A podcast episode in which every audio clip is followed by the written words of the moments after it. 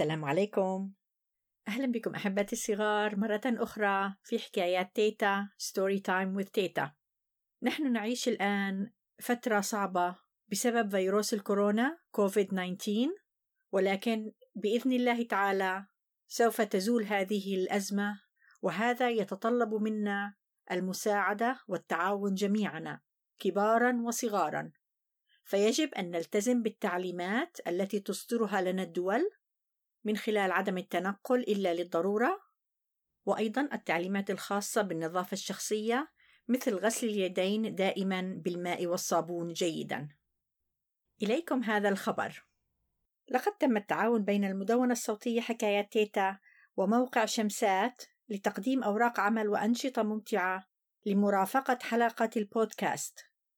يمكنكم الاشتراك وإرسال البريد الإلكتروني الخاص بكم لتحصلوا على المجموعة الأولى من أوراق العمل. في الرابط الموجود في البايو في حساب الإنستغرام لحكايات تيتا. قصتنا اليوم هي قصة جميلة ومفيدة. أعرف أن كل منا يحب أن يكون له صديقه المفضل ليشاركه أوقاته في اللعب والدراسة وملء وقت الفراغ بالأشياء المفيدة. ولكن ما رأيكم هل يجب أن يكون صديقكم المفضل نسخة عنكم؟ أعني مثلكم تماما؟ هيا لنتعرف على حكمة وكيف استطاع أن يختار صديقه الصدوق عندما انتقل إلى مدينة جديدة. القصة اليوم بعنوان صديقي المفضل وهي من تأليف أنطوان الشرتوني ومجموعة من شابات وشباب مركز المجال. هل أنتم مستعدون؟ نعم. نحن مستعدون. هيا إلى القصة.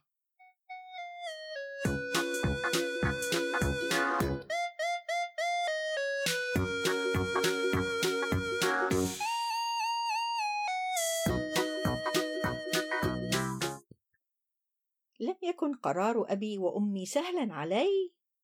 تلك الليلة كنت أتناول العشاء معهما. فقال أبي بعد شهر سننتقل إلى العيش في المدينة. لقد نقل عملي إلى هناك ويجب أن ألتحق بزملائي. ما رأيك يا حكمة؟ ثم فسرت لي أمي ستحظى بأصدقاء جدد ومدرسة جديدة وحياة جديدة. لم أكن أريد حياة جديدة أو أصدقاء جدد فأنا مرتاح هنا في القرية. وأحب رفاقي. بخاصة صديقي الصدوق ربيع الذي أعده أخا لي. لكن القرار قد اتخذ. ودار في رأسي سؤال بسيط. من سيكون صديقي الصدوق؟ بعد فترة وجيزة انتقلنا إلى العيش في المدينة الكبيرة. سجلت في مدرسة جديدة. وأصبح لي الكثير من الأصحاب. ألعب وأتسلى معهم.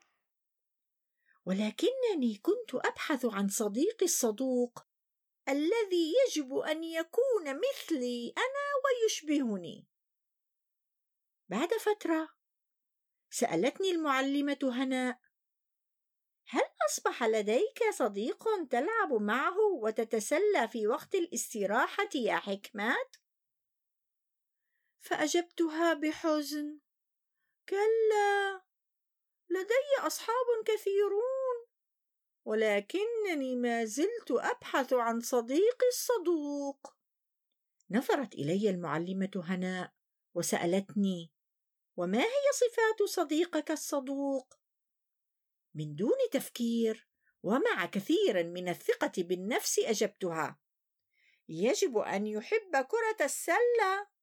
يجب أن يكون مثلي أنا. عندما عدت إلى البيت كانت خالتي هدى تزورنا. وبعد إلقاء التحية سألتني هل أصبح لديك صديق تشاطره قصصك ومغامراتك؟ فقلت لها بكل جدية كلا إني ما زلت أبحث عن صديقي الصدوق. نظرت إلي خالتي وطرحت علي سؤالا آخر وما هي صفات صديقك الصدوق؟ ومن دون تفكير أجبتها مباشرة. يجب أن يكون طباخا ماهرا.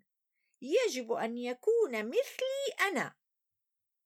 بعد عدة أيام وبينما كنت في دكان العم راشد أشتري بعض الحاجيات لأمي. سألني هل أصبح لديك صديق يدافع عنك وتدافع عنه؟ فقلت له بينما كنت أضع الأغراض في كيس ورقي. كلا إني ما زلت أبحث عن صديقي الصدوق فنظر إلي العم راشد وسألني وما هي صفات صديقك الصدوق؟ فقلت له بكل فخر يجب أن يحب حصص العلوم. يجب أن يكون مثلي أنا. فنصحني العم راشد قائلا لا يمكنك أن تجد صديقا مثلك تماما. ولكنني أتمنى لك أن تجد صديقا صدوقا. وأنتم أحبتي الصغار ما رأيكم فيما قاله العم راشد؟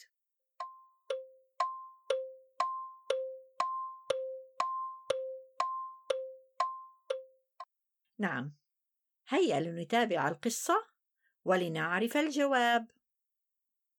وبينما كنت عائدا إلى البيت التقيت بالجارة صبحية التي سألتني بحشرية. هل أصبح لديك صديق تشتاق إلى رؤيته كل يوم؟ فقلت لها بكل احترام. كلا. إنني ما زلت أبحث عن صديقي الصدوق. فطرحت السيدة صبحية سؤالا آخر. وما هي صفات صديقك الصدوق؟ فأجبتها بكل وقار. يجب أن يكون بطلا في الركض وسريعا جدا. يجب أن يكون مثلي أنا. بعد أسابيع بينما كنت في الحديقة مع أبي ألعب بالأراجيح. سألني أبي هل أصبح لديك صديق يضحك على نكاتك ويحزن لمشاكلك؟ فقلت بصوت خافت آه كلا.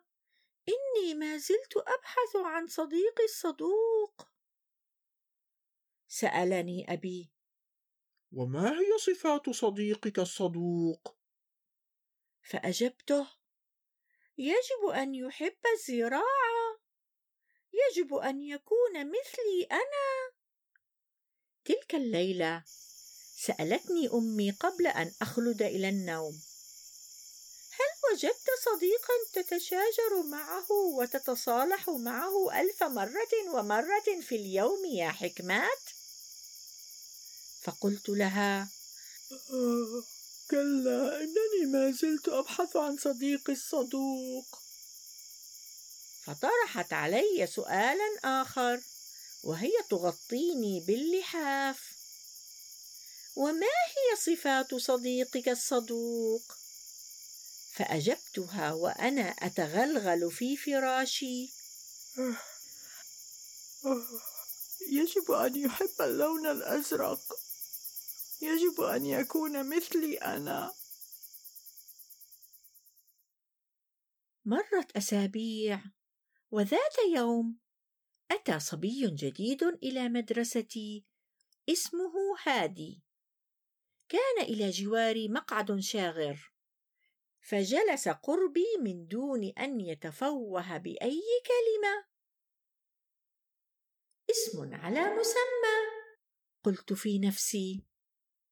ولكن مع مرور الوقت أصبحت أرافق هادي إلى الملعب. نلعب معا في وقت الاستراحة. كما صار يستمع إلى مشاكلي ويقدم النصائح إلي.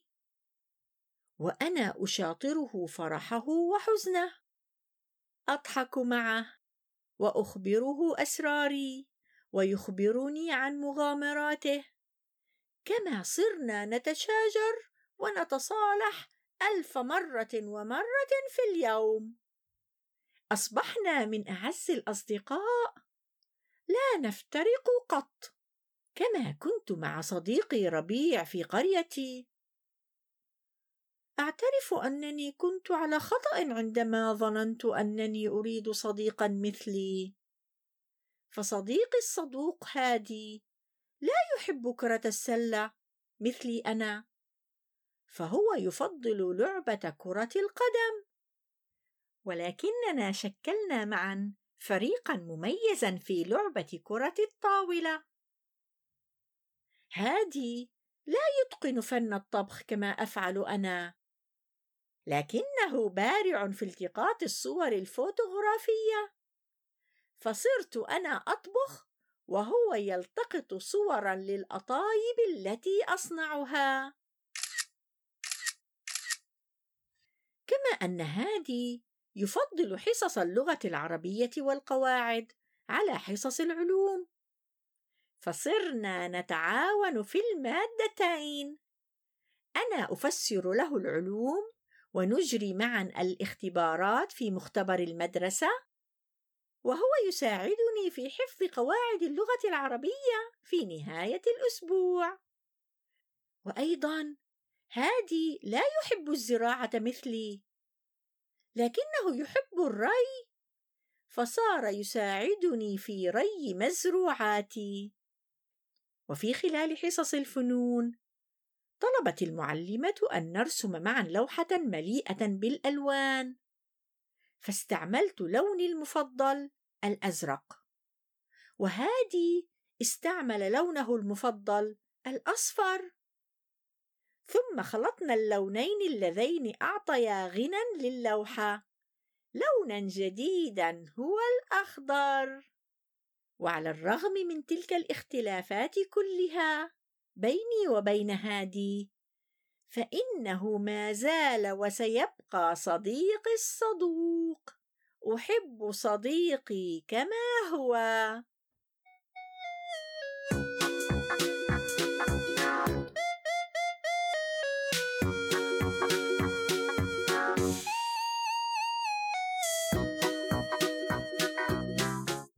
هل أعجبتكم هذه القصة أحبتي الصغار؟ إنها قصة جميلة. احكي لي هذه القصة مرة أخرى يا تيتا أمل. كانت هذه القصة من منشورات دار أصالة للنشر. لقد تعلمنا درسا مفيدا من هذه القصة. وهي أن الاختلاف بين الأصدقاء شيء جميل وطبيعي ومفيد كما أنه يجب أن نتقبل أصدقاءنا كما هم. نحترم آراءهم وهواياتهم وقدراتهم. قبل أن أنهي هذه الحلقة أود أن أذكركم بأن تتابعوني على مواقع التواصل الاجتماعي وعلى موقعنا storytimewithteta.com لا تنسوا أن تستمعوا إلى الحلقات السابقة من حكايات تيتا وإلى أن نلتقي احبتي الصغار في حلقة جديدة وقصة مفيدة. أنا تيتا أمل أقول لكم في رعاية الله.